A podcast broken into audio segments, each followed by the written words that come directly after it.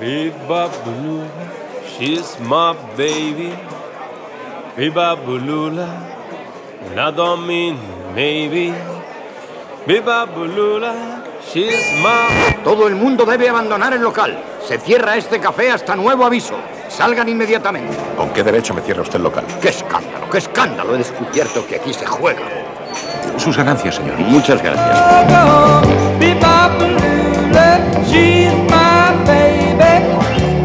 Des de Casablanca, el podcast, no la pel·lícula, comencem la tertúlia del bar d'Enric.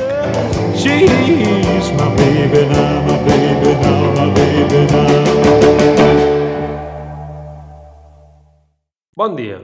L'Albert Anguera és metge radiòleg. Té una manera de parlar que em recorda el cosí de la meva mare, el Quim del Clos, que també és metge i que va arribar a ser una de les patums de cardiologia de l'Hospital del Mar. L'Albert és una mica més jove, però també pertany a una generació de metges catalans que semblen extinció. Va entrar a l'ofici quan ser metge donava, a més del clàssic estatus social, la possibilitat de sentir-se part d'un projecte de país. Ara la cosa ha canviat i sembla mentida, que encara no fa tant, alguns catalans estudiessin medicina perquè no tenien un país per fer-se militars o diplomàtics. L'Albert parla de la sanitat catalana amb un fatalisme humorístic que em fa pensar en les converses de metges que de vegades sentia com el Quim explicava en els dinars de Nadal. Quan ens trobem, l'Albert sovint fa referències al rerefons ideològic dels fracassos del sistema sanitari català. Avui ens els explica amb calma. Albert, bon dia. Bona tarda o bon dia. Escolta, com comencem a explicar el desastre que tenim amb la sanitat? Bueno, a veure, és que, clar, és, és un tema que, com te vaig dir un dia, no, no se'n parla gaire i l'únic que fan és parlar d'anècdotes.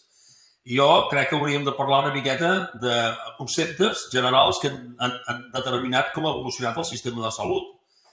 Jo m'havia preparat un guió, eh, que són tres grans moments històrics del, del, del tema de la, de la sanitat, no? tres moments que coincideixen amb marcs conceptuals i marcs ideològics han determinat com s'ha evolucionat el concepte de salut i com s'ha organitzat el sistema. No? Eh?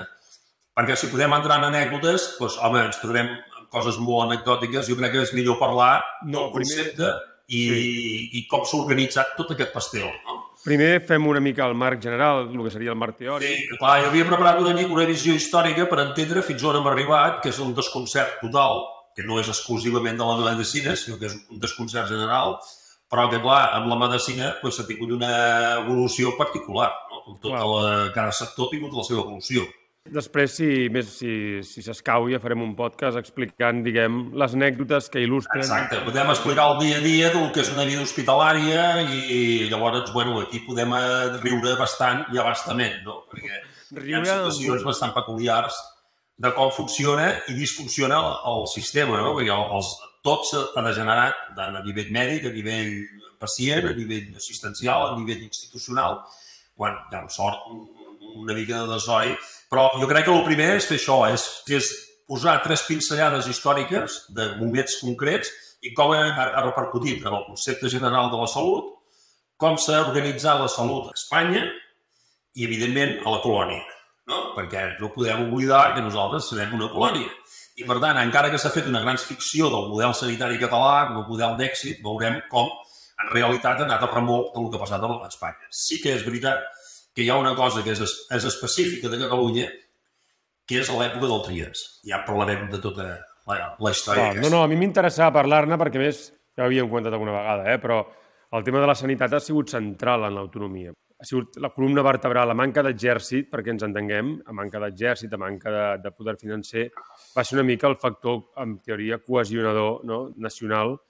Així és com ho va vendre el Pujol, no? de, una mica la columna vertebral de la Catalunya autonòmica. I que Exacte. ha acabat com ha acabat, doncs eh, també explica, explica moltes coses. Apareix un Exacte. És a dir, a l'any a l'any 81 hi ha el traspàs, el traspàs Sí, un moment, a és en aquell moment en què, el que dius tu, Pujol agafa com a bandera la sanitat amb una idea de- d'excel·lència, de, de tenir un model diferent del que passava a Espanya, però eh, no van a, no sé si ho van fer aposta o inconscientment, però entre que hi ha errors involuntaris i ro- errors voluntaris, el sistema ha evolucionat una cosa bastant Sí. peculiar. No? No, i a més és d'una bona circumstància que més si mires en la història, jo crec que això Pujol sí també ho tenia present, més enllà que havia de cohesionar un país, diguem, molt partit, amb dues comunitats molt diferents, que a més havien estat enfrontades en una guerra, hi havia un element que jo crec que és que la, sanitat, o sigui, la, la idea de salut, té una... Ha tingut un paper molt important a l'edat mitjana, i en el fons era un dels mites de la Catalunya medieval, crec jo, eh? I, de, i de la Barcelona aquella totpoderosa. I encara que siguin coses aquestes que, que la gent corrent no sap, els mites sempre ressonen d'alguna manera o altra. I tots hem viscut, almenys jo crec al meu voltant, el, el mite aquest dels metges i de la sanitat i, de, i de, de qui, que tenim una sanitat millor que no pas l'espanyola, una de les millors d'Europa. Jo recordo una amiga meva que estava a Londres fent una tesi doctoral que comparava el model de sanitari d'Anglaterra amb el català. És a dir, i, bueno, i això, i si tu feies marxa enrere, la Biblioteca Nacional de Catalunya està posada sobre una farmàcia, la primera farmàcia em sembla que va haver-hi a Barcelona, vull dir, tens l'Arnau de Vilanova, que, que, era, que, era, que era metge, no? que és aquell Exacte. figura molt important. Això, això és cert. I sobretot, el que jo crec que el que fa que hi hagi un mite sobre el tema català respecte al rest d'Espanya és l'època de la mancomunitat. No?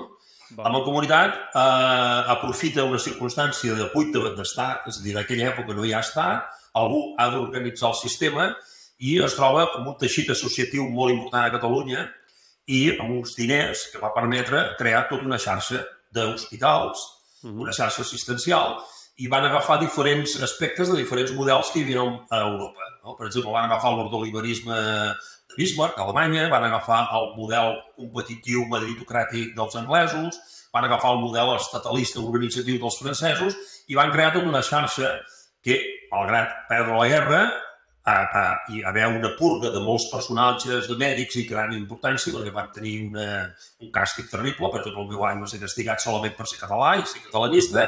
Sí, sí, un moment, aquí recordem, aquí recordem, si un moment, recordem el Trueta, recordem... Per exemple, el Trueta va tenir que marxar, és a dir, hi ha molta gent que va tenir que marxar. El Broix... Malgrat això, la Violeta. malgrat això, eh, l'avantatge que teníem és que no hi havia estat. I al no haver estat, en l'any 50 i 60, eh, la Cata- Catalunya tenia una, un teixit eh, eh, mèdic molt més ric que el que passava al rest d'Espanya. El resta d'Espanya estava tot determinat per una cosa que es va crear el 1920 i tants per l'Antonio Maura, que era l'Institut Nacional de Previsió. Llavors, això va crear el Servei Obligatori de, Sal de, Sa- de Salut, el SOE, eh, que era, eh, qui treballava tenia dret a sanitat. I llavors va organitzar la sanitat a través de l'I- de l'I- de l'INDP i el SOE. No? Servei Obligatori d'Enfermetat, es deia. Eh? Servici de Seguro Obligatori d'Enfermetat, era com es deia. Llavors, això, el resta d'Espanya va funcionar tot a nivell de l'estat públic i els que tenien diners podien anar a metges per privats, però la resta de la població quedava doncs, una mica en l'aire. A Catalunya no. A Catalunya hi havia tota una sèrie de mutualitats, una sèrie de mutualismes, una sèrie de beneficència social creada en institucions creades en la mancomunitat i, a més a més, el SOE, evidentment, el servei obligatori, el servici obligatori. Eh, Evidentment, això també va passar igual. Jo crec que aquí és on de cau la trampa en Pujol i la Porta, que són els primers que generen tot aquest tinglado, que és, tenen una idea de que el país estava suficientment eh, trebat mèdicament com per poder fer un model d'excel·lència. No?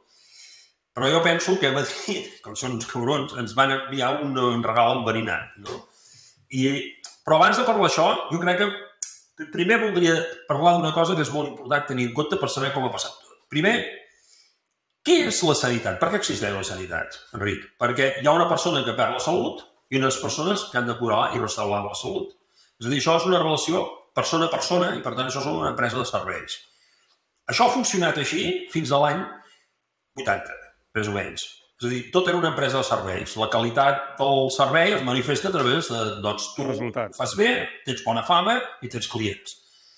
A partir d'aquell moment hi ha un paradigma històric mundial que ho transforma. Que l'altre dia t'ho vaig comentar i vas quedar sorprès, que és la conferència d'Alma Ata a la, una, a la capital d'una república soviètica, es deia Kazakhstan, bueno, encara existeix, però no és la capital, a l'any 1978. Jo crec que això és important tenir-ho clar a tothom, què és el que ha passat, perquè a partir d'allí arrenca tot el que ha passat després. Allò és un canvi, un abans i un després. Llavors, d'allà és una reunió on fan metges de família de la Xina, de la Índia i de països africans. I allà elaboren un concepte, una sèrie de, de, de, de, de decàlegs, i això es converteix en uns mantres oficials de l'Organització Mundial de la Salut.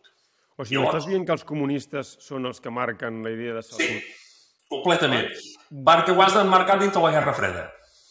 Hòstia, però és només 9, abans, 9 anys abans que caigui el mur. És a dir, que m'estàs Sí. dient que els perdedors de la Sí. Guerra Freda són els que posen... el- Sí, però això és la conseqüència de la Guerra Freda. És a dir, tu penses que quan arriba la conferència del Mata hi ha tot un període de Guerra Freda i de Sí. colonització ideològica i que és una mica el que jo et volia fer eh, una mica l'explicació de com ha evolucionat ideològicament el Tic Blau. No? Va. És a dir, nosaltres som fills d'una socialdemocràcia no? que neixen amb la Guerra Freda no? i llavors hi ha dos moments claus que és l'inici de la socialdemocràcia després de la guerra, la democràcia cristiana és el que organitza tot l'estat del benestar i tota la pesca aquesta, i després el maig del 68 francès que canvia tot el concepte de la socialdemocràcia. Enmig de tot això, hi ha un, un país, que és Anglaterra, que és el país que en aquell moment estava més avançat quan acaba la guerra, i crea el Servei Nacional de Salut, que és molt important tenir-ho present, perquè tot el que ha passat a Espanya s'ha inspirat en el Servei Nacional de Salut. Va. Molt important. El Servei Nacional de Salut neix amb aquest concepte que inicià de l'estat del benestar i el organitza un, un senyor que es diu Beveridge, que fa dos informes. El primer diu com ha de ser el sistema i el segon informe, que ningú s'ha llegit i que ningú en parla i que no existeix en lloc, que no el trobaràs en gaires puestos, que és com diu que s'ha de sostenir el, el sistema. Va. Ja t'ho llegiré perquè és molt divertit, perquè aquest segon, aquest, si ho trobo per aquí. El segon informe, que ningú es llegeix, és de l'any 44, eh? estic parlant de l'any 44, diu per existir el servei de protecció social ha d'haver plena ocupació, salaris creixents en relació a la inflació i no supervivència superior als 10 anys dels pensionistes. Hòstia. Això, O sigui que la pensió... Vale, vale, només pots estar 10 anys, per dir-ho així, en pensió. Exacte. Això està pensant de l'any 44. Hem de veure que l'esperança de vida era molt inferior. Eh? Clar, clar, sí. Aleshores, això, el Servei Nacional de Salut que neix a Anglaterra, serà un model que nosaltres copiarem als anys 80, quan arriba el Felipe González al govern. No? Uh -huh. Llavors, clar, tu tens un, un marc conceptual que és el MATA, els principis del MATA, a la qual allí es fa una cosa que és molt important, que és per això ho he tingut aquí escrit per, per, per llegir-ho bé i no equivocar-me, i és que a les propostes tenen com a objectiu aconseguir salut per a tothom a l'any 2000. Estem parlant que estem a l'any 78, o sigui, 22 anys després havia d'haver salut per tothom. I aquí fan una definició de salut que és molt important perquè determinarà com funcionarà tota la ideologia del sistema sanitari. Què diu? La salut és l'estat de total benestar físic, social i mental que va més enllà de la manca de malalties o xacres. És un dret fonamental que fa que l'objectiu sigui obtenir el màxim nivell possible de salut. Traduït, la salut no té preu. Tot per tothom. Per tant, el cos no compta. Això és important tenir-ho en compte. És una ideologia molt soviètica, molt socialista, molt comunista, i és el que aquest principi és tan important com perquè després veurem com la Geli canviarà la Conselleria de Sanitat i la transforma en Conselleria de Salut, que és el nom que té ara, perquè ella, quan agafa la possessió, diu jo vull recuperar l'esperit del mata. Entens? Per això. És a dir, nosaltres seguim marcats per aquesta ideologia. És una idea molt totalitària, molt absoluta, en què no hi ha cap matís. Molt, clar, perquè aquí què passa? Arreu de tot això, com que venen tota una ideologia molt socialista, diuen el govern ha d'assegurar l'equitat, és a dir, l'accés a la sanitat. El dret de la salut és un dret fonamental. La salut és un assumpte socioeconòmic que és responsabilitat dels governs garantir la salut, l'equitat i el dret fonamental a la salut, convertint l'atenció primària en l'epicentre del, del sistema. És a dir, aquí ja tens dos mantres que es repetiran en tots els governs, pel que sigui, a Espanya i a Catalunya. La salut és universal, la salut és un dret fonamental, la salut no té preu, l'Estat és responsable de la salut i, per tant, això és, és inalienable. No hi ha ningú que pugui discutir aquests mantres. Uh -huh. Clar, això, a partir d'aquí ens generaran tot unes derivades que veurem com el món evoluciona cap a una direcció i la salut es va distanciant d'aquesta evolució mundial i cada vegada es va dissociant més la pràctica de la medicina de la realitat ambiental. Però això té una traducció econòmica, perquè clar, tot això després resulta que té uns... uns S'ha de pagar, s'ha de poder pagar, sí, sí. S'ha de pagar, clar. Mentre hi ha el, la socialdemocràcia i tenim aquell model econòmic dels anys 50, 60 i 70, que és un model de creixement de- d'oferta, de, ai, perdó, de demanda, en la qual es produeixen productes i s'ha de generar un consum i tot això, es van crear les bases d'una classe mitja. No? Llavors, això sí que permet anar finançant. No? Però, clar, això va portant a una evolució que és la que t'estava explicant, i que a Espanya es tradueix quan hi ha la, trans la transició. No? És a dir, cau el, el règim, el règim havia fet poques coses, més les que t'he comentat, és a dir, tenim que manté el PSOE, el Servicio Obligatorio de Enfermedad, manté la- l'Institut Nacional de Previsió com a organisme organitzatiu, i l'única cosa que fa és que en el final del desarrollisme, per aprofitar que té diners, munta les grans residències sanitàries a tot Espanya. No? A Catalunya doncs, en tenim vuit. No? L'última. Què feien aquestes residències? Què feien? Les residències sanitàries són el Vall d'Hebron, Ah, vale, ok. Bellvitge, el Trueta... Eren els, els bucs insígnies de la gran tecnologia, la gran complexitat mèdica, la gran atenció. Es muntava en llocs que hi havia molta població pues, eh, de, de, de baix nivell econòmic per intentar donar-los i entendre que les- l'Estat es preocupava d'ells. era És a dir, i es van crear amb el nom de residències sanitàries per diferenciar-lo dels hospitals municipals, dels hospitals eclesiàstics, perquè eren més dedicats a la beneficència. No? Val. I llavors això va fotre aquests grans monstres que tenim encara actualment. No? Però clar, això arriba la transició, arriba la crisi econòmica del petroli, tota la pesca aquesta, i llavors aquí ens agafa un moment de gran crisi econòmica que a Madrid no se n'enteren en el món sanitari, però a Catalunya sí que patirem, perquè ho explicarem ara quan parlem de la porta. No? Val. Clar, i aquí, el Tarradellas, quan torna, crea un govern de concentració i ens posa de conseller de Sanitat un comunista, el Ramon Espasa. No sé si tu et sona. Aquest senyor és, una, és un cirurgià de Bellvitge, suposo que devia ser sindicalista a la seva època i tota la pesca, i el posen allà del PSUC i el posen conseller de Sanitat. Aquest senyor no hi havia transferències encara, per tant, tenia unes, un gruix prim, però va infectar, oh, no sé la paraula més adequada, va, va, va posar molts del seu partit i va crear un que se'n deia en aquella època Espasa Boys. Eren gent jove, d'uns 30, 35 anys, uh -huh. i tots amb la ideologia comunista, que venia inspirada en tot això del Manhattan i tot aquest tipado, i els va pesar a la conselleria. Quan arriba la, hi ha les eleccions, que guanya el Pujol per sorpresa, perquè en realitat crec, crec que en aquell, jo era jove, però crec Ningú que en s'ho esperava, no, no, no. Mhm. ningú s'ho esperava, esperava que guanyés el rebentós, es troben amb una sorpresa i clar, es, arriba a la porta de la conselleria, però es troba aquesta gent i no els treu. No? Llavors generen aquesta... Per què no els treu? Bueno, no els treu perquè, per una banda, no s'atreveix, suposo, i per una altra banda, allò, bueno, no es fem mal. El que faré serà que els retiraré d'aquests càrrecs, els posaré en unes determinades regions, regions sanitàries, que es diuen, i llavors es van anar creant com a regions sanitàries de color vermell i de color vergell. No? O sigui, les regions sanitàries entenc que van posar aquests comunistes a les regions sanitàries més properes a Per la, exemple, la la regió immigració. Exacte. Tota la regió 5, que era la regió del Baix Llobregat, tot eren comunistes. I llavors les regions, diguem, més catalanes devien posar els Exacte. seus. Correcte. Eh, més o menys això és el que es va acabar fent. Eh? Sempre hi ha hagut les excepcions, però Clar. a nivell general. No? Llavors, clar, arriben a la porta, amb molta il·lusió s'agafen aquest, aquest ferro corrent que era la, la sanitat, encara no hi havia cap marc normatiu, seguíem amb l'època del Franco, i jo crec que aquí van caure la trampa, perquè jo crec que a Madrid sí que sabia el que estava passant, que és el que acabaria passant. No?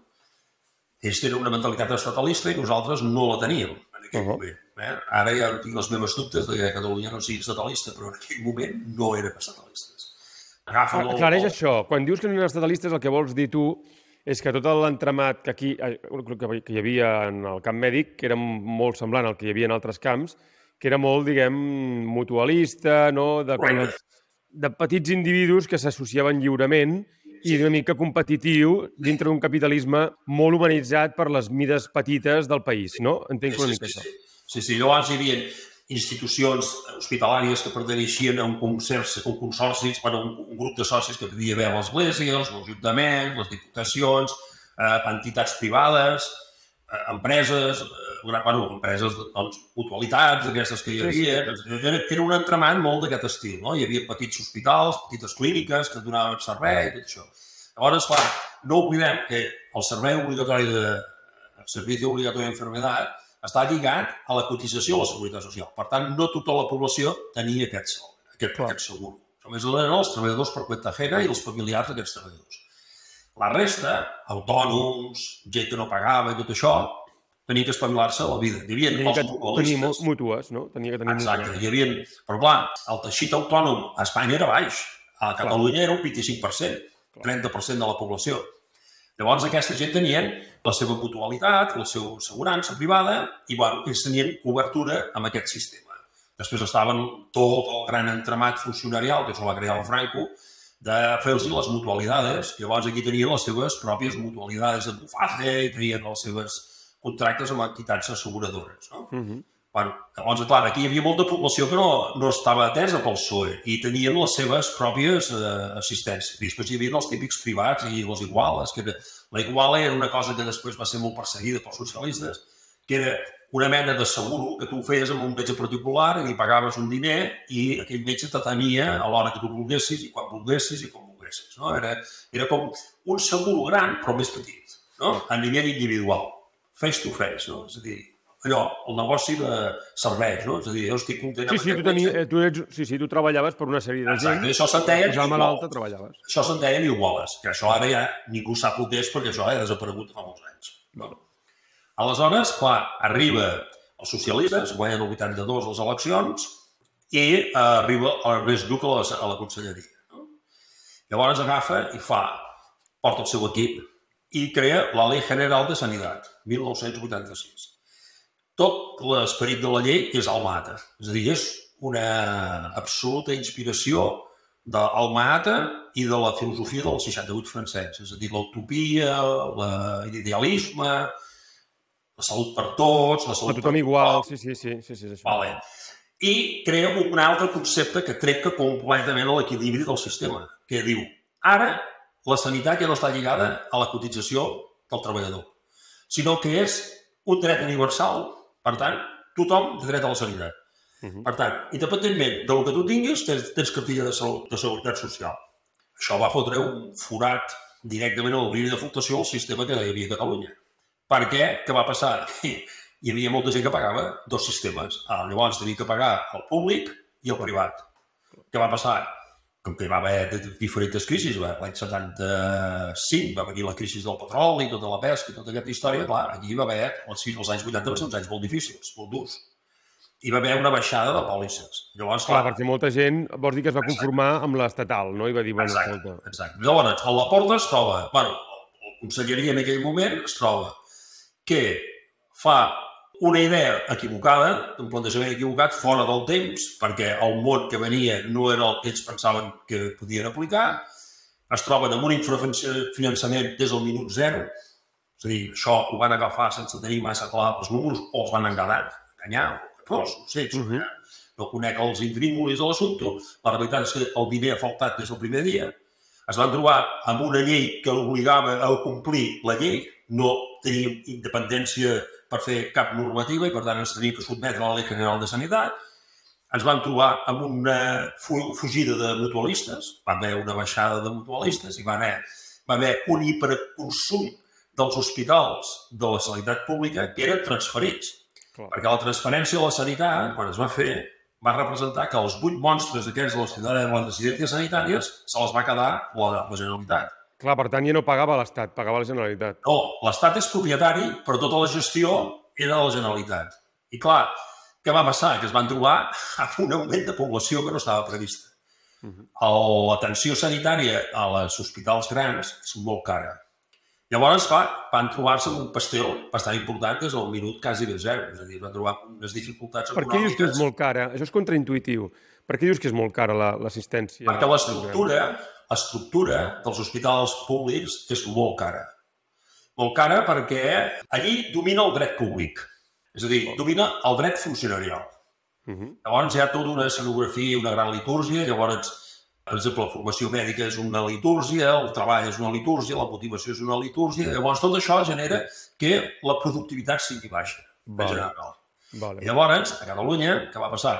Que l'ICS, que és l'entitat que es crea aquí com a... O sigui, quan es, es desfà l'INP, es crea a l'Espai a l'Insalut. Quan es fan les transferències aquí, l'Insalut es converteix en l'Institut Català de la Salut, que és l'ICS. L'ICS és el propietari d'aquests vuit hospitals i aquests es mouen per un dret públic. Són estatutaris, que se'n diu. El reste, que és el, si això afecta el 25% de l'assistència hospitalària en aquest moment. El 75% restant era tot aquest entramat De mútues. Tot això es va agrupar en una entitat que es deia Xarxa d'Utilització Pública de Catalunya, la XUP, conegut com a XUP.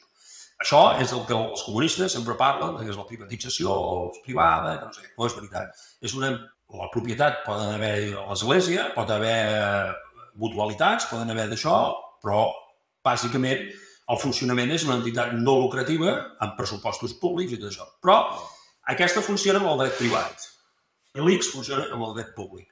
Per tant, la Porta i sobretot el seu gran executor de tota la llei general de Sanitat, que és el Trias de Llobatera, el Xavier Trias, aquest era primer director general de l'ICS, és el primer director general de l'ICS, i després es converteix en el conseller de Salut durant, em sembla que són 10 o 12 anys. Val. En total, ell controla la sanitat durant 14 o 15 anys. Hòstia. Sí. O sigui, de l'any 80, de l'any 80 o 80 i pic, 80 pocs, Espera, fins a l'any 95 o 96, entenc. tinc per aquí apuntat, tinc per aquí apuntat. Ell és director general de l'ICS des de l'any 84 fins al 88. El 88 és nomenat conseller i dura fins al 96. Per tant, ell porta tot el tinglado de la sanitat durant 12 anys. Val. Vale? Llavors, ell és el gran, el gran executor de la Llei General de Sanitat aquí. Eh? Val. La- L'aplica eh, Per tant, és el que, port, el que fa l'harmonització de la sanitat catalana amb l'espanyola, tu estàs dient. Exacte. Si tu clar, estàs dient que amb Catalunya comença la democràcia amb un sistema gairebé dual, no? Sí. En què hi ha l'Estat i després hi ha les mutualitats i els sistemes aquests, diguem, Sí. de, de negocis petits relacionats amb la, amb, la, amb la medicina, i a poc a poc això es va harmonitzant, també a través del, de l'Ernest Lluc i tota aquesta gent, i el que fa de, de corretja de transmissió, de transmissió a Catalunya és el Xavier Trias, primer sota, el, Llu- so, sota del Laporte, que Sí. tu creus que, que venia amb més bona fe, perquè ens entenguem, és a dir, el Laporte s'ho va trobar i van intentar crear un sistema Quan jo que era els, molt va, jove... que els hi va i- semblar, clar, no tinc tanta vivència personal i tampoc ho he profunditzat, però l'aspecte que a mi em dona és que ells ho van agafar amb una intenció constructiva d'allò, fer país, no? Aquella idea Sí. que construirem. però fer una cosa com dual, no? de dir la cosa Sí, sí, estatalista pels immigrants i pels pobres catalans, Correcte. que, pels catalans Sí. pobres, i llavors a l'excel·lència, que tu deies abans, és a dir, llavors una medicina d'excel·lència pels catalans, diguem, de tota la vida, que no si tenen arrels aquí, i tenen, per dir, uns certs recursos, i pels immigrants que es vagin integrant i vagin pujant a l'escala social. Però, per dir-ho Correcte. així, una, una medicina, diguem, de, del mig cap amunt.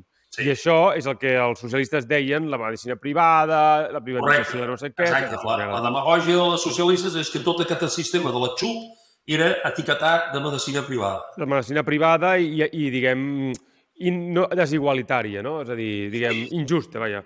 Injusta, però al final va resultar que la injustícia va ser per la XUP. Sí, sí. Perquè tot el dèficit econòmic que va haver, qui va pagar el pato va ser la XUP. La que figurava que era privada. perquè era privada. Eh? Llavors, com que funcionava amb dret privat, llavors les condicions econòmiques, les condicions socials, les condicions laborals dels treballadors era menor. Clar.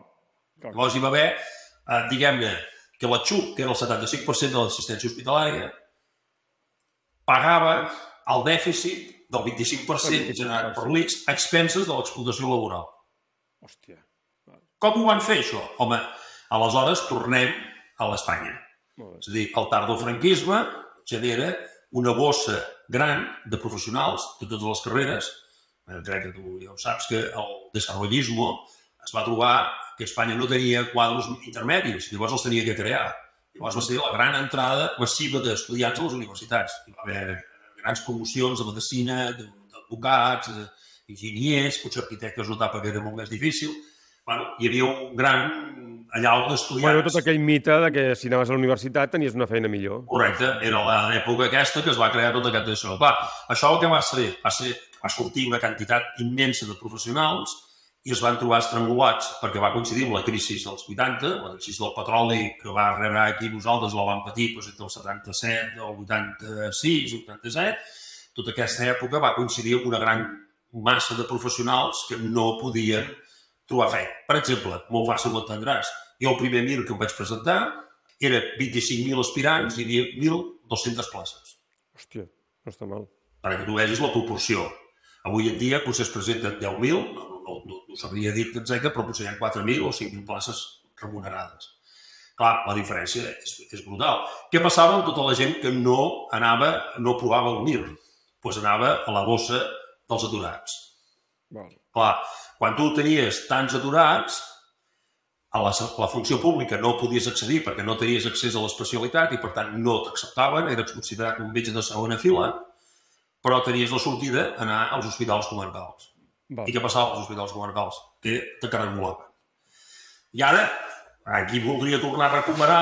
Que et cargolaven vols dir, vols dir que, clar, que, que les condicions eren terribles, no? Eren molt més... Clar, clar, clar. Per exemple, els horaris eren més llargs, eh, les càrregues assistencials eren més llargues, eren més grans, eh, els salaris eren menors, i, i, i s'aprenem el mateix. Bueno, si no està content, i la porta és molt gran, que darrere hi Ja. que ho farà més barat. Això abans dels anys 80. Jo defineixo els anys 82, que és quan arriba el Felipe González, fins al 96, que arriba l'Aznar, els defineixo com els anys de plom de la medicina. És a dir, eren, eren autèntics gàngsters. Gàngsters. I per què eren uns gàngsters? Perquè la Ley General de Sanitat crea una cosa terrible, per mi, que transforma l'essència del negoci. És a dir, tu, t'hi he dit abans, primer, què és la Sí. sanitat? Ara, ara havies de fer el MIR per collons, no podies fer, No diguem... podies fer, però és que el cas molt pitjor que tot això. És a dir, tu no podies fer l'especialitat si no fes el MIR, però és que, a més a més, creen una cosa molt més perversa, que és que diuen, no, no, com que ara l'Estat és el que t'ha de tutelar i t'ha de crear l'equitat i t'ha de crear la, la, la, la justícia social i tota aquesta pesca, el que farem serà que convertirem el que és un negoci de serveis, per dir una paraula que potser no és la més simpàtica, negoci, però és com defineix les relacions interhumanes, perquè és així, perquè clar, ara dir negoci la sanitat és quasi un pecat, Sí, doncs sí. no, ara és, és la realitat, és la interacció de dues persones, és un negoci, un negoci és un de la vida. No? Sí, sí. Per tant, transformen el negoci de serveis en un negoci industrial. Ho canvien en una indústria. Uh -huh. I llavors, què passa? Per què fan una indústria? Perquè l'Estat s'apodera de tot el control. Llavors, diu, com ho farem, això? Desfuncionalitzarem el, la importància del pacient, el convertirem de pacient al transformem en usuari, és a dir, en una dada administrativa, i el metge el degradarem a la condició de sanitari. Sanitari, és a dir, no es caga i es pixa la gent. Sí, sí. No médico, sanitari, era la terminologia dels anys 80. Llavors, no podem oblidar que hi ha un senyor que es diu Alfonso Guerra que diu no pararemos hasta que vean los médicos en alpargates. Això va dir en un míting a Extremadura l'any 1982, a la campanya electoral del 1982. I, evidentment, es va convertir en una mena d'obsessió dels socialistes del, de l'any 82 destruir tot el que era la pràctica mèdica. Perquè tenien que destruir els metges i tenien que destruir els pacients. Llavors diràs, i qui guanya? Doncs pues guanya el gestor, perquè l'hospital es converteix en una indústria, guanyen els gestors, agafen els gestors i els porten de les cadenes de línia blanca, no són gestors nascuts de la sanitat, sinó que molts venen de la, de la línia blanca, és a dir, tots aquests que fabriquen electrodomèstics. Això ja denota una mentalitat. En sèrio? Sí, tots els gestors dels anys 80 i 90 venien de la línia blanca, molts d'ells, no tots, però la Ja, majoria ja, ja. ja. Sí. i creen un gestor que diu no, no, jo he d'organitzar i he de treure un benefici de la feina. Com l'he d'organitzar per ser eficient? Gestió de processos. És com funciona la indústria. La indústria funciona per gestió de processos. Llavors s'introdueix la normativa de gestió de processos. Com es gestionen els processos? A través de tota una sèrie d'estandarditzacions, perquè tu has de fer que la, la, la indústria ha de ser predictiva i quantificable. Clar. No com és una entrevista de servei que no és quantificable, perquè és molt subjectiva. Jo estic content, no estic content. Aquest metge Exacte, no, no, sí, sí, jo perquè guanyo més i tu perquè guanyes menys. Exacte. Mira, Llavors que fan? El, el malalt el, el foten territorialment adscrit a una regió, un ambulatori, i ell no pot escollir. Toca aquest metge que t'ha tocat. Te toca aquest hospital i t'aguantes. Si no t'agrada, t'aguantes. Llavors el metge, clar, el pacient tampoc pot escollir. El metge no pinta res, el desfuncionalitza, donen tot el poder de les institucions als gerents, els gerents necessiten un capatàs. I qui és el capatàs? Diu, oh, doncs fantàstic. Tenim la barreja de Montla, de Montgel Férez i Florence Nightingale, tenim les enfermeres. I agafen i foten les direccions d'enfermeria, tenim tot el poder. Com el tenen el poder? Controlant el pressupost, a través de dues coses. El 60%, 80% dels personal depenia d'enfermeria.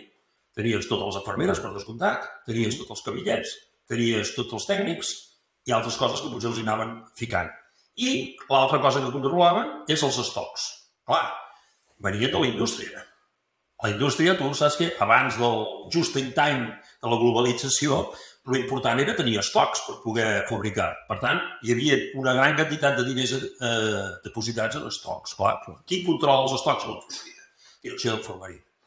Llavors crea el gerent, les direccions d'infermeria i els sindicats, que són els que controlen el sistema a través del dret públic. Clar, llavors ja estàs fotut. Tu ja has perdut tot el poder, perquè el metge no considera que tingui cap importància i s'ha de sotmetre a les directrius dels sindicats de classe. Perquè els sindicats de classe tots eren els de la bugaderia, els cabillers, els del manteniment... Clar, aquests eren els sindicalistes de, de algunes infermeres i algun metge, però molt pocs. Bàsicament, la majoria venien d'aquests col·lectius. Clar, a través d'aquestes tres entitats eh, es controla el procés de la sanitat, de les, de, dels, dels hospitals. No?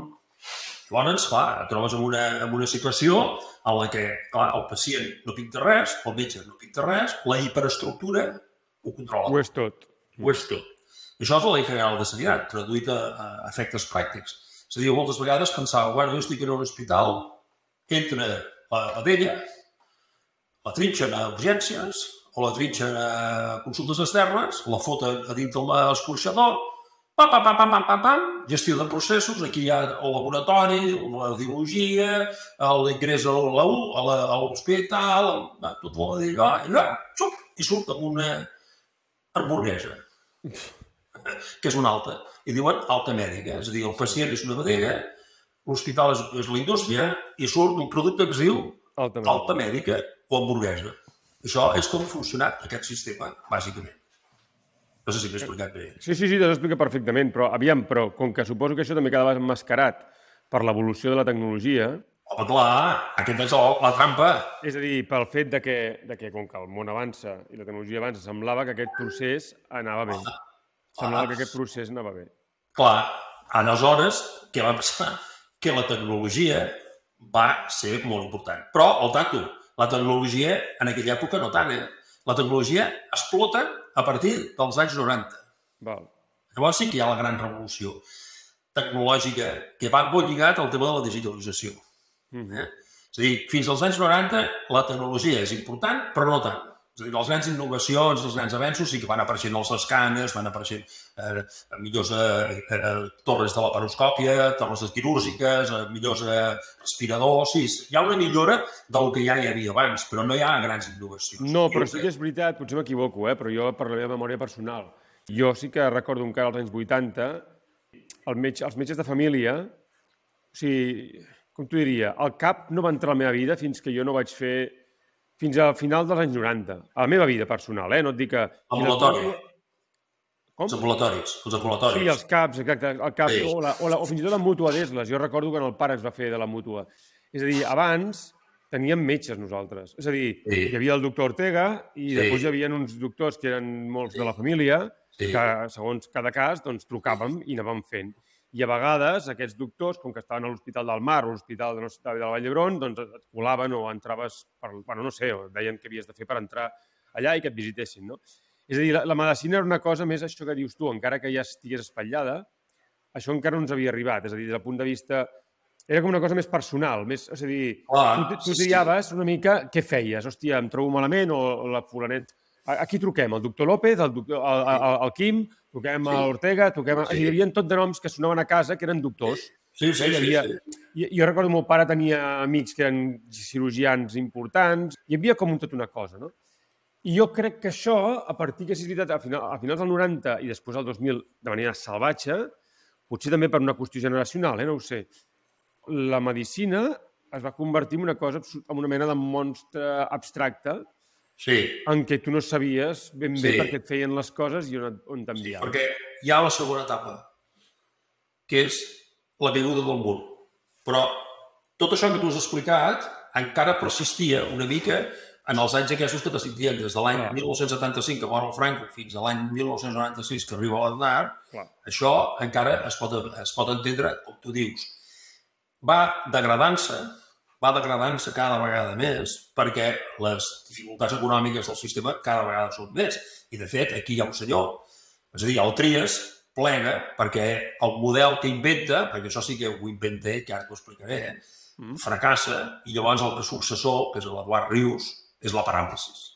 És a dir, no es fa res. Jo me'n recordo que no es podia comprar ni un bolígraf al meu hospital. Tenies que demanar instàncies a la departament de compres per comprar bolígrafos. O sigui que valia més que te'l portessis a casa, no? Perdó? Que valia més que te'l portessis de casa. Quan s'ho que fer? Jo vaig comprar els penjadors, els, els penjadors per, per posar les bates, els vaig comprar jo i els vaig fer enganxar jo. Perquè vaig estar un any i no hi havia penjadors al servei. I arribaves allà i les abrics els tenies que deixar sobre les cadires. Hòstia. Això, estic parlant dels anys 90, jo treballava a l'Hospitalet en aquella època. I llavors, esclar, va haver un moment de decadència. Què va passar? El Trias, clar, el tio, va passar una cosa mundial, que va haver la gran oportunitat. Va dir, hòstia, ha caigut el mur, ara és la meva. Què va passar amb el caigut del mur? Amb el caigut del mur hi ha un enfonsament de la ideologia comunista, no? És a dir, clar, d'això hi apareix el neoliberalisme. Llavors apareix un nou concepte de salut. Diuen, no, no, fins ara la salut no tenia preu i s'havia de fer tot que fos necessari per salvar el pacient i, per tant, gastarem els calés que calgui per restituir la salut d'aquella persona. Molt bé. Però a partir del 90 ja no diuen això. Diuen, no, no, la salut no té preu, però té un cost. Mhm. I el cost és molt important. Llavors diuen, com hem de controlar el cost? Això és a nivell europeu, passen totes aquestes definicions, hi ha intents, no sé si te'n recordes, la Margaret Thatcher, que va arribar a fer una cosa que va traspassar la responsabilitat, abans d'arribar a aquesta anècdota, diem que quan passa aquest concepte, el que diuen és, no, no, la responsabilitat de la salut no és de l'Estat, com fins ara, sinó és de l'individu. Tu t'has de cuidar de la teva salut, tu has de fer una vida sana, tu has de menjar equilibradament, tu has de procurar És la teva prevenció. també a les ofensives contra el tabac i totes aquestes coses. Exacte. I això va arribar als, als anglesos, van arribar a la paradoxa de que es va plantejar que el que fumava, si seguien fumant, li feien el tractament i s'ho tenien que pagar de la seva butxaca. Això no es va arribar a aplicar, però va haver tota una polèmica perquè això es va fer. Clar, a canvi completament. A l'Estat que es converteix en el garant de que ningú quedi fora del sistema. És dir, bueno, el que no té res, o l'atendrem. Una mica tornar a la beneficència, però cadascú és individu responsable d'aquest tema. Per tant, llavors diuen, no, no, la salut no és un dret, vostè té dret a la salut, totalment d'acord, però té un cost. Mhm. I aquest cost s'ha de controlar. Clar, aquesta terminologia a Espanya ni se van enterar. En sèrio? No, clar, estem parlant de l'any 89. Qui manava l'any 89? Manaven els socialistes. El socialisme. Qui manava? Manava el PSOE, eh? manava l'espíritu de la Ley General de Sanitat, manava l'espíritu Almata. Per tant, seguien pensant tot per tot. En canvi, a Catalunya, que hi havia aquesta dualitat que s'estava desfent, el Trias va dir, hòstia, la nostra, ara ho farem de puta mare. I direm, introduirem el concepte mercat a la sanitat. Val. Llavors fa una cosa que no va sortir bé, ha sortit bé perquè encara el patim. Diu, no, farem que la, la sanitat es convertirà en el CatSalut, que serà el proveïdor com una assegurança. Dirà, no, el CatSalut el convertirem en una asseguradora. Eh? Ah, tu saps que l'asseguradora el que no vol és eh, riscos. Sí. Per menys risc, millor, perquè paga menys. Mhm. Però, clar, el CatSalut és l'asseguradora del sistema sanitari. I crearem els proveïdors. I els proveïdors són l'ICS i la XUP. Després això s'uneixen i creen el que se llama SISCAT, Servei Integral de Sanitat. Bueno, t'hauria de buscar el que vol dir les- l'electrònic, aquest, no? Llavors creen el SISCAT. Clar, i els proveïdors es ho traien a l'asseguradora. Volen que hi hagi riscos per cobrar les, les, les d'això, és a dir, la facturació. Llavors crea un model de mercat o pseudomercat fictici en el qual l'asseguradora, el proveïdor i el client, que és l'usuari, que ara ja no li diuen usuari, sinó que li transformen en el nom client per introduir el concepte mercat, sí. són els mateixos. Clar, això no pot sortir bé de cap manera, Enric, perquè el que paga i el que cobra és el mateix. M'entens? Llavors, això la gran invent del Trias. Bueno, perquè se- seguia funcionant dintre del paradigma aquest de que l'Estat o l'administració controlava tot. O sigui, Exacte. el que el Trias no va, no, el que el Trias, diguem, no va canviar és el fet de que l'administració con- controlava els metges i que els metges no tenien gaire marge de maniobra, pel que entenc que m'estàs dient. Eh? Res, no, no pintàvem res, no pintàvem res.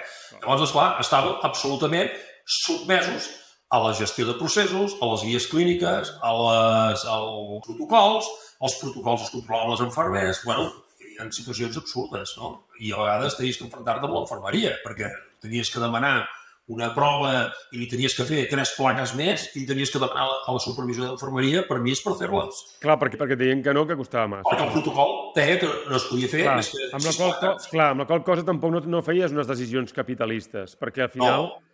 Clar, clar, perquè al final el metge podia decidir quan, li, quan convenia o quan no convenia, quan valia la pena o quan no valia la pena. Llavors, tot aquest pastel que va crear ell entre asseguradora, CatSalut, proveïdors, clients, tot això, és el que va generar aquesta pseudo-sanitat privada, no privada, i és el que la, la, la part més d'esquerres sempre s'ha aprofitat. La CUP, les iniciatives, els comuns, tot això és el que sempre ha criticat més el sistema sanitari. Perquè, clar, eh, tot això s'ha creat una ficció, una ficció que ve del que es passava al rest del món. És a dir, Espanya no ho van fer-ho, ja t'explicaré per què no ho van fer-ho. Espanya no es va fer, però Catalunya es va intentar. Val. Però, però clar, noi, estem on estem, som un país ocupat. Per tant, nosaltres no tenim marge. És a dir, no, tot el que feies estava limitat pel sistema. El sistema, clar, no podia sortir el sistema que és el que hagués Exacte, era un sistema estatalista i que venia de El dalt. que que- dius és que el que hagués hagut de fer el Trias era trencar el sistema i partir-lo en dos, de tornar a la cosa pública i la privada, bàsicament. Bueno, no, jo tampoc ho sé perquè no sóc un gestor, però Val. jo el que veig és que en aquell moment es va fer una, una idea que semblava pues, adaptar-se al que estava passant al món, Mm. però que no, l'invent no va sortir bé, però a posteriori tu t'adones compte que no surt bé perquè el marc és imp impossible. I per què el marc és impossible? Perquè llavors l'estat espanyol va, veu que tot això se li va de les mans. No? Llavors veu tot el que està passant, veu les despeses que té, veu el problema que té la sanitat, i llavors el ministre que succeeix el Lluc, que es deia Julio García Vargas, si no recordo malament, aquest tio no era un tio dolent va, en, aquest aspecte, sinó que va dir, hòstia, això s'ha de solucionar. I llavors que agafa, agafa i fa un senyor que sonarà, que és l'Abril Martorell, el Fernando Abril Martorell, Sí. lo agarra y le dice, mire, señor Fernando, usted va a hacer un informe sobre la sanidad, soluciones para la sanidad. I el tio, efectivament, fa un informe, que porta el seu nom, Abril Martorell, que ara, si vols, penso que és de l'any 90... Perquè això... Tinc per aquí apuntat, ja mira, veus aquí, informe Abril Martorell de l'any 90. Vale? I l'objectiu d'aquest d'això és millorar els recursos, optimitzar els recursos i decidir què passa amb la financiació del sistema. Perquè, clar, el sistema ja començava a guinyolar perquè hi havia, el que dius tu, més tecnologia, més població, no, clar, tu tenies una dimensió d'uns anys enrere i ja va començar a pujar la població. Uh, tenies una tecnologia que era més cara, un envelliment de la població que costa més diners i per Sí, tant... això, això també ho hem de... Clar, clar, això també ho hem d'aclarir. És a dir, quan comença tot això, Catalunya no arriba als 5 milions, quan això està en el seu procés àlgid, quan ja, diguem, comença a partir dels anys 90, 2000, ja estem arribant als 7 milions Sí, o 6 i pico, i la població és molt més gran, perquè la, la mitjana de la població, diguem, el baby boom ja queda molt enrere, i, i per tant, exacte. la gent és molt més gran. Sí, sí, sí. Llavors, aquest fa l'informe d'Abril Martorell i el tio diu una, una frase que és molt divertida, que te la llegiré perquè l'havia apuntada. Diu, diu, García Vargas diu, el PSOE l'ha rebut amb cortesia, el PP de forma correcta, però ningú el va defensar. Els sindicalistes es van enfadar molt perquè parlava de noves formes de contractació i externalització i tampoc va tenir el suport del sector privat i menys dels professionals perquè els professionals ja s'havien acostumat al sistema. Perquè això també ha passat. És a dir, clar, clar jo vaig néixer amb una idea de medicina, eh? jo, jo veia el metge de, de la meva l'època del meu avi i jo vaig fer metge pensant en aquell metge. Clar, que era un metge que tenia la responsabilitat Clar, Personal. era un metge que es responsable dels pacients, que tenia la seva cartera de, de pacients, que els anava a veure, que no sé què, que no sé quan. I de sobte em vaig trobar un sistema absolutament que no, no em deixava fer res del que jo havia vist que feia el meu avi. Eh, Estava Clar, clar, no podies aprofundir en els clients, si se'n morien eren... No mai podies saber quin, quin nivell de responsabilitat tenies sobre el que els no, passava en els, no, no, en els, no, en no. els, Clar, això era, era, era, era, era d'això. Després, bueno, ja, bueno, per això ja parlaríem el dia que parléssim, si parlem del funcionament de com eren els hospitals, no? L'equip amarillo i l'equip rojo, que això ja era la rehòstia dels funcionaments del, dels serveis. Val. Clar, aquesta és la definició que va passar amb l'informe Breu Martorell. És a dir, això es va cagar tothom, ningú Però- va però- voler però es va aplicar. Perquè, clar, aquest tio posa- posava coses molt dures. Per exemple, deia els pensionistes que paguin el 40% de les medicacions, perquè, collons, estan cobrant unes pensions molt altes, doncs, escolta'm, que contribueixin, això que és gratis no pot ser. Va dir de pagar el, el copagament, és a dir, a tothom se li va tirar en sobre, i això va passar, van posar sota un calaix. I No va van acabar? aplicar això, no van aplicar. No, no, no, no, no, no, no, no, això es va, es va, va durar la sessió parlamentària on es va debatre. Vale. I aquí va acabar el recorregut i el va posar. I llavors, el Trias, uns anys després, ell agafa i diu, diu, l'informe d'Abril Martorell fou un desastre perquè va marxar un ministre i va entrar un nou ministre, Julián García Valverde, que penso tenia molt bona empenta, era llest, però va fer una presentació catastròfica, desafortunada de l'informe i va caure pel seu propi pes. Tothom el va atacar per totes bandes i les coses anaren malament. Puto i final. L'informe d'Abril Martorell se tanca a Espanya, s'aplica a Catalunya.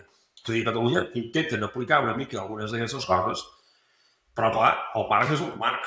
La ideologia és la ideologia que dominava el sector. És a dir, Val. clar, es van trobar molt condicionats. No? Llavors, Espanya ni se'n va enterar dels canvis que passaven al món, va quedar Seguien tot el mateix sistema, seguim igual, patada a seguir, i anar fent. I Catalunya intenten sobreviure com poden amb el gran dèficit econòmic que cada vegada es feia més evident. No? I funcionava una mica amb això, intentaven pal·liar els dèficits de la seguretat social, perquè clar, la seguretat social va caure tota la tecnologia punta.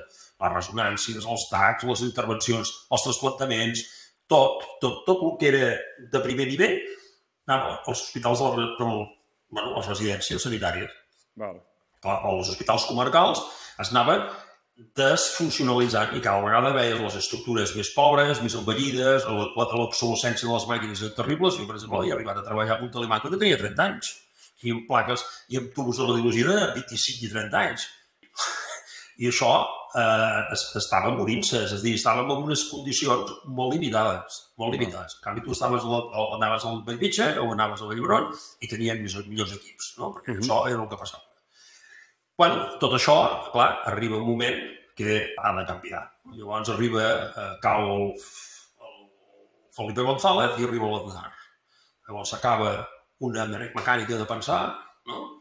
i comença una nova mecànica de pensar. No? Llavors, bueno, aquest senyor, que primer fa una, una transició perquè no hi ha massa canvis, posa un ministre bastant anudí, que no, no recordo de res res important, que es deia Robà i no va fer res, però a la segona legislatura va posar l'Anna Pastor, Uh -huh. si te'n recordes.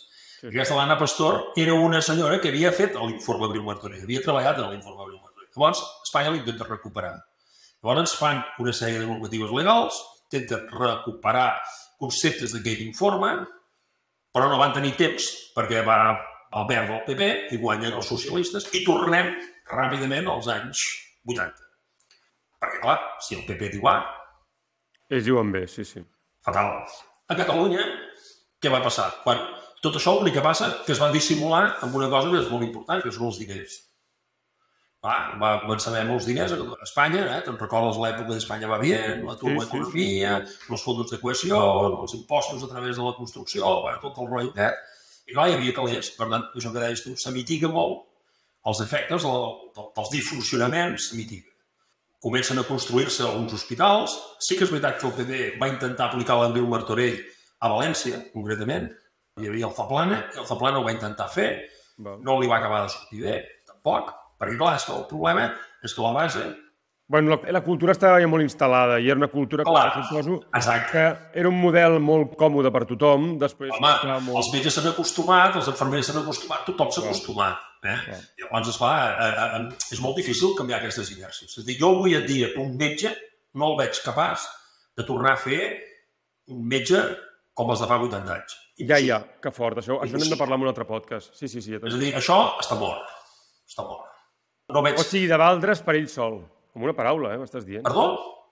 M'estàs dient, de val... bàsicament, no veus un metge capaç de valdre's per ell sol. No. Necessita la infraestructura. O sigui, m'estàs dient que no seria capaç de muntar una empresa, no podria ser autònom, amb una paraula. Home, sempre hi ha excepcions. No, no, però això- en general, no. En general, no. Perquè jo, eh, jo tinc una...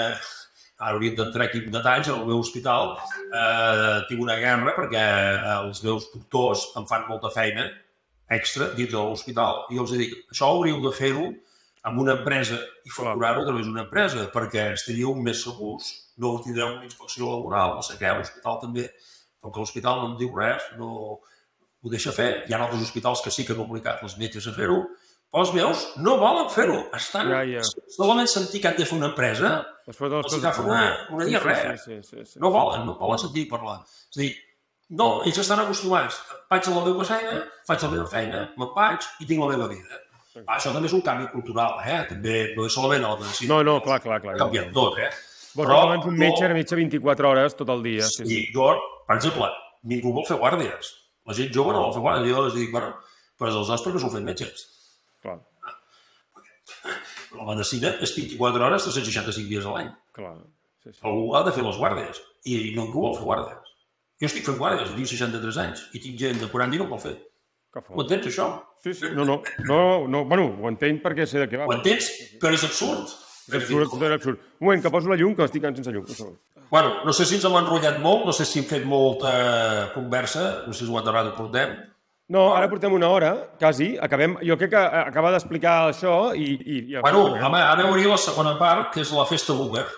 És a dir, tot això que és aquesta època bastant comunista i socialista, al mata i tot el rotllo que, i arriba a la festa Boomer, no? És a dir, aquí es troben amb molts diners i a Catalunya tenim la gran festa Boomer, amb una persona que a més de veure-la ja veus que és una Boomer total. Pija, progre, xupi guai, la Marina Geli Sí. ja solament de veure-la ja saps el que passarà. I aquesta arriba i fa, no, no, nosaltres canviarem la, la, la conselleria, recuperarem l'espíritu del matre. Bueno, clar, llavors ja t'han fotut, perquè llavors és un tornar enrere 20 anys, saps? Llavors aquesta senyora es va trobar amb calés i sí que és veritat que va fer una cosa que es tenia que fer, que era la reforma. Eh? Va, va tenir diners i va començar doncs, a fer, això sí que se li ha de reconèixer, que va actualitzar el parc tecnològic, parc hospitalari, va fer hospitals nous, va reformar molts hospitals, va potser fer masses centres, perquè una cosa que m'he dit era que un model de la mancomunitat, un model de proximitat, als anys 20 no hi havia carreteres i per tant es dedica a buscar dispositius propers de les persones. Ella el va recuperar, el va aplicar perquè tenia calés i això va fer que hi hagués una gran hiperestructura entre hospitals, nous de construcció, per exemple, es construeix l'Hospital de Reus, nou, gegant, es fonden hospitals molt grans en tota la pesca, però bueno, era necessari fer-ho en aquella època, això, perquè realment veníem d'una època de, de mort, perquè estàvem asfixiats. Bueno, tot això era una nova i, bueno, eh, fot un forat immens. Per què? Perquè crea una hiperestructura que s'ha de mantenir, perquè fer un hospital era barat, però s'ha de Clar, mantenir. clar, no, no, sí, sí, no és un problema de, de fer-lo, després l'has de mantenir. El problema és mantenir-lo. Després fa una cosa bona pel sector, però cara, que va ser homologar les condicions laborals de la XUP amb l'IPS. Per tant, tots van passar les mateixes condicions laborals i econòmiques. Això va representar un increment bastant important de pressupost. Clar, però Perquè- de treure el significat encara va acabar de matar el significat que tenia una cosa i l'altra. Exacte. Però bueno, però sí que és veritat que els de la XUP es van beneficiar, Clar. va haver, per, per haver un abocament de diners i realment això sí que ho va fer bé. Ara, clar, va fotre un merder, eh, un caos econòmic que va deixar absolutament trinxada bueno, la Generalitat, perquè ja saps tu, eh, benestar social, educació... Bueno, sí, jo me'n recordo. El 70% del pressupost. Jo me'n recordo que en el cap a la meva mare li regalaven les gotes dels ulls. Eh? clar, va ser una orgia. Va ser una orgia. No, no, no, és- sí, jo em posava les gotes dels ulls que li regalaven a la meva mare. Sí, jo, jo la defineixo com la, així com l'altre era els anys de plom, va passar l'orgia boomer. És a dir, va ser tot una, un festival. Aquí hi havia calés, eh, que pagaven més diners, llavors va haver atenció a tothom, perquè recordo que és l'època que va començar a venir tanta emigració, eh? la primera gran emigració no espanyola, eh? els anys de la Geli, i va agafar i va dir si estan empadronats, dret a targeta sanitària. Home, això va obrir les portes. Ara això forma part del cavall de batalla de, de la segona tongada de migració que ens ha vingut ara, no? Clar. Que clar, ara són molts més. Abans en aquella època potser eren 300.000 persones o 400.000 persones que se beneficiaven, i ara ja són un millor, no que sé. Clar, això era un forat econòmic bastant important, perquè tota aquesta gent no, no tenia malalties per explotar les famílies. Entens? Ric, ric i perdut. No, bueno, que clar, llavors ella bueno, va, va fer tota aquesta expansió del, del, del sistema i bueno, va, va, va, va provocar un forat econòmic, va ser dels que va contribuir a la famosa fallida de la Generalitat. En gran part era la sanitat. I aleshores, bueno, va fer tot això, en certa manera, i, però ideològicament el sistema no va canviar, és a dir, va seguir funcionant exactament igual. Si es havia creat aquest sistema pervers de pseudomercat, asseguradora, Can Salut, proveïdors, va seguir funcionant amb més diners. La diferència va ser que hi havia molts més diners. Va. I aquí, Això va durar fins quan? Bueno, això va durar fins a la caiguda. Clar, això arriba el, els tres mosqueters, Artur Mas, Mascolell i Boi Ruiz, els tres. Val. Arriben a la Generalitat, 2010? el 2011, bueno, no sé quan van arribar aquests. Sí, 2011, 2010, 2011, 2011. Sí, bueno, el, en recordo que el 2008 hi ha la caiguda de Lehman Brothers, el sistema Sí. Tot el que s'ha fet fins aleshores entra en una crisi important, estem en una crisi eh, sistèmica i no sabem cap on anirem.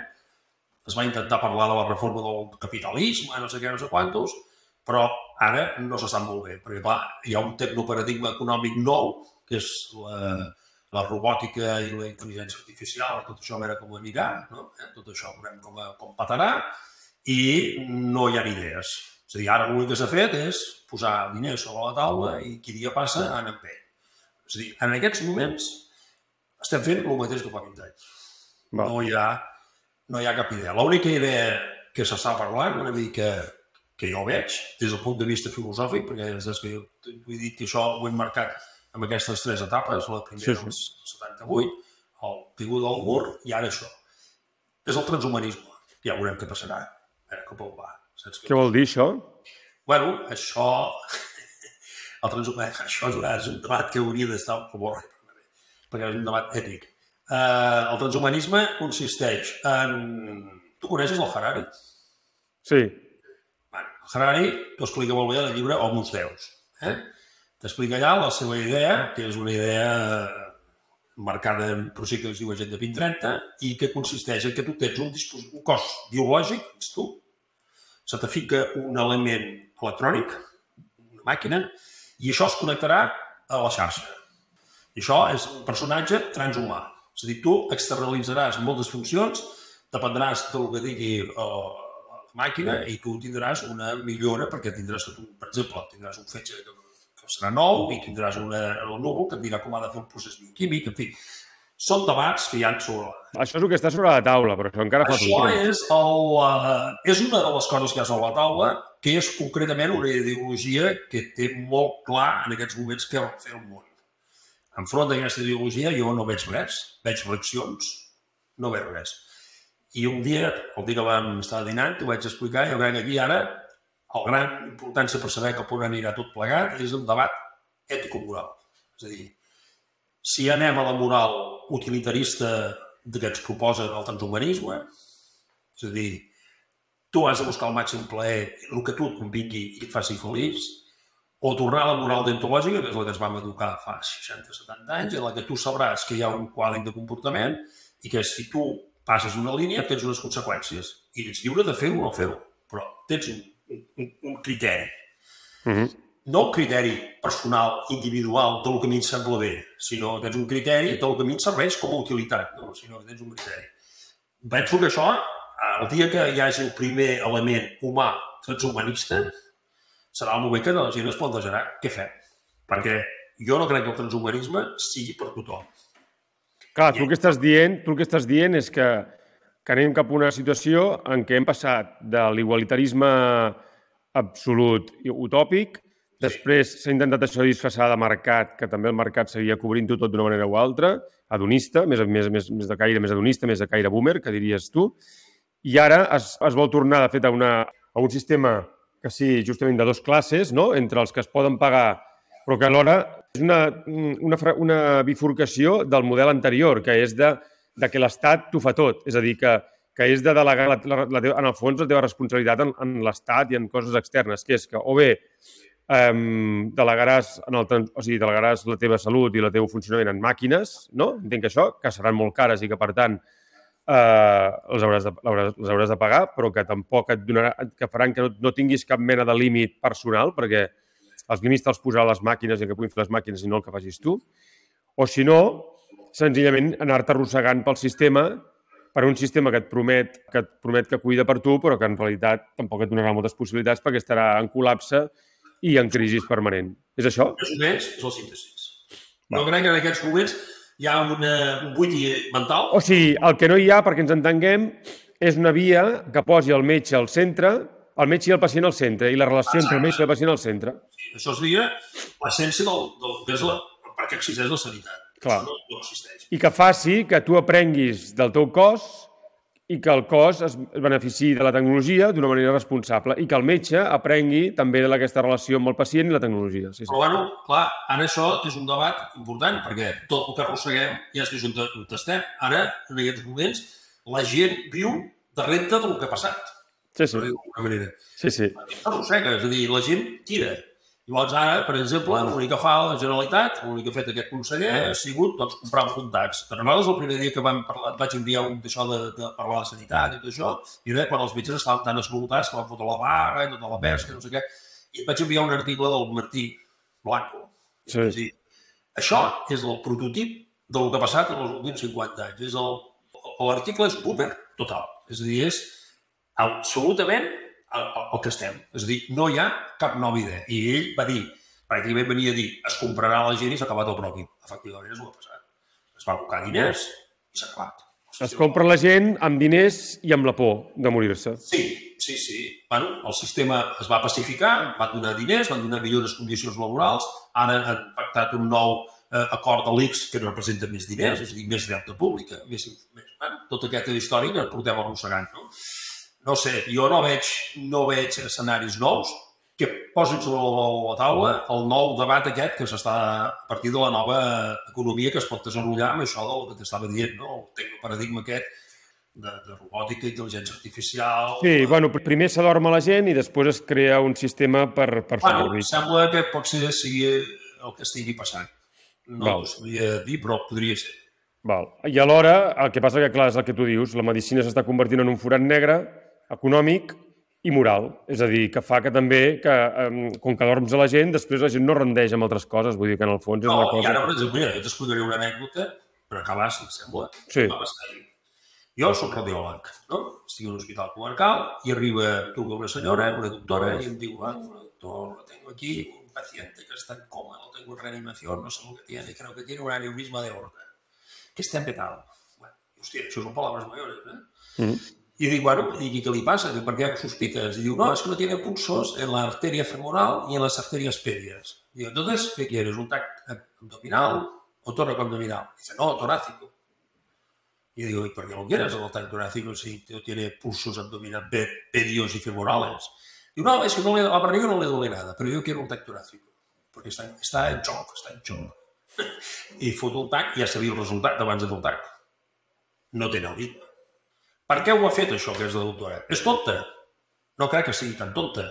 Jo crec que el problema que li passa és que davant d'una situació d'estrès, ella fa la solució que ha creat el sistema. És a dir, què faig? Tinc un pacient, no sé el que té, li demano proves. I les proves donaran el resultat. Vale. O sigui que, per tant, m'exposo la, la responsabilitat. Exacte. I per què passa això? Perquè el sistema ha creat un monstre hipertecnològic, com el que deies abans. Ara sí que hi ha molta tecnologia a l'abans i com que seguim amb aquesta filosofia de que no hi ha límit al que t'has de gastar, doncs tira vides. No. Entens? No hi ha límit en el que, el t'has de gastar quan tu pots gastar. I quan no, diuen que no sense saber molt bé per què. Sí, sí, de manera. Sí, sí. Sí, sí. Jo ho deixaria aquí perquè has fotut un repàs allò molt extens. Molt, molt, molt intens, no? Sí, no, no, molt bé, molt bé, vull dir, molt bé. I després sí que et convoco a una segona part més relaxada, de riure, amb humor negre, diguem, per Bueno, explicar una sí explicarem coses. En què consisteix ser metge? En què consistia ser metge en el segle XX i en què consisteix ser metge en el segle XXI, entenent que el segle XXI podem dir que comença l'any 1990 i ja està. Eh? I, i aquests do, aquestes dues modalitats, o com seria tornar al metge de fa 80 anys i com és ser metge avui. I crec que podem fer un, un podcast bastant divertit, bastant maco i bastant reivindicatiu de la medicina. Recollirem eh, historietes que han passat i que no han passat i, i, no, que no els ha i, i, Perfecte. i Val. Molt bé, doncs aturo aquí l'enregistrament. Moltes gràcies. Molt bé. Vinga, adéu. Adéu, adéu, bona tarda. Play it, Sam. Play as time goes by. Oh, I can't remember it myself. I'm a little rusty on it. I'll hum it for you. Da-da-da-da-da-da. Da-da-da-da-da-da. da da da da da da da da da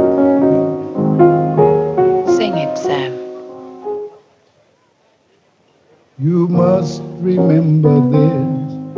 A kiss is just a kiss. A sigh is just a sigh. The fundamental things apply as time goes by.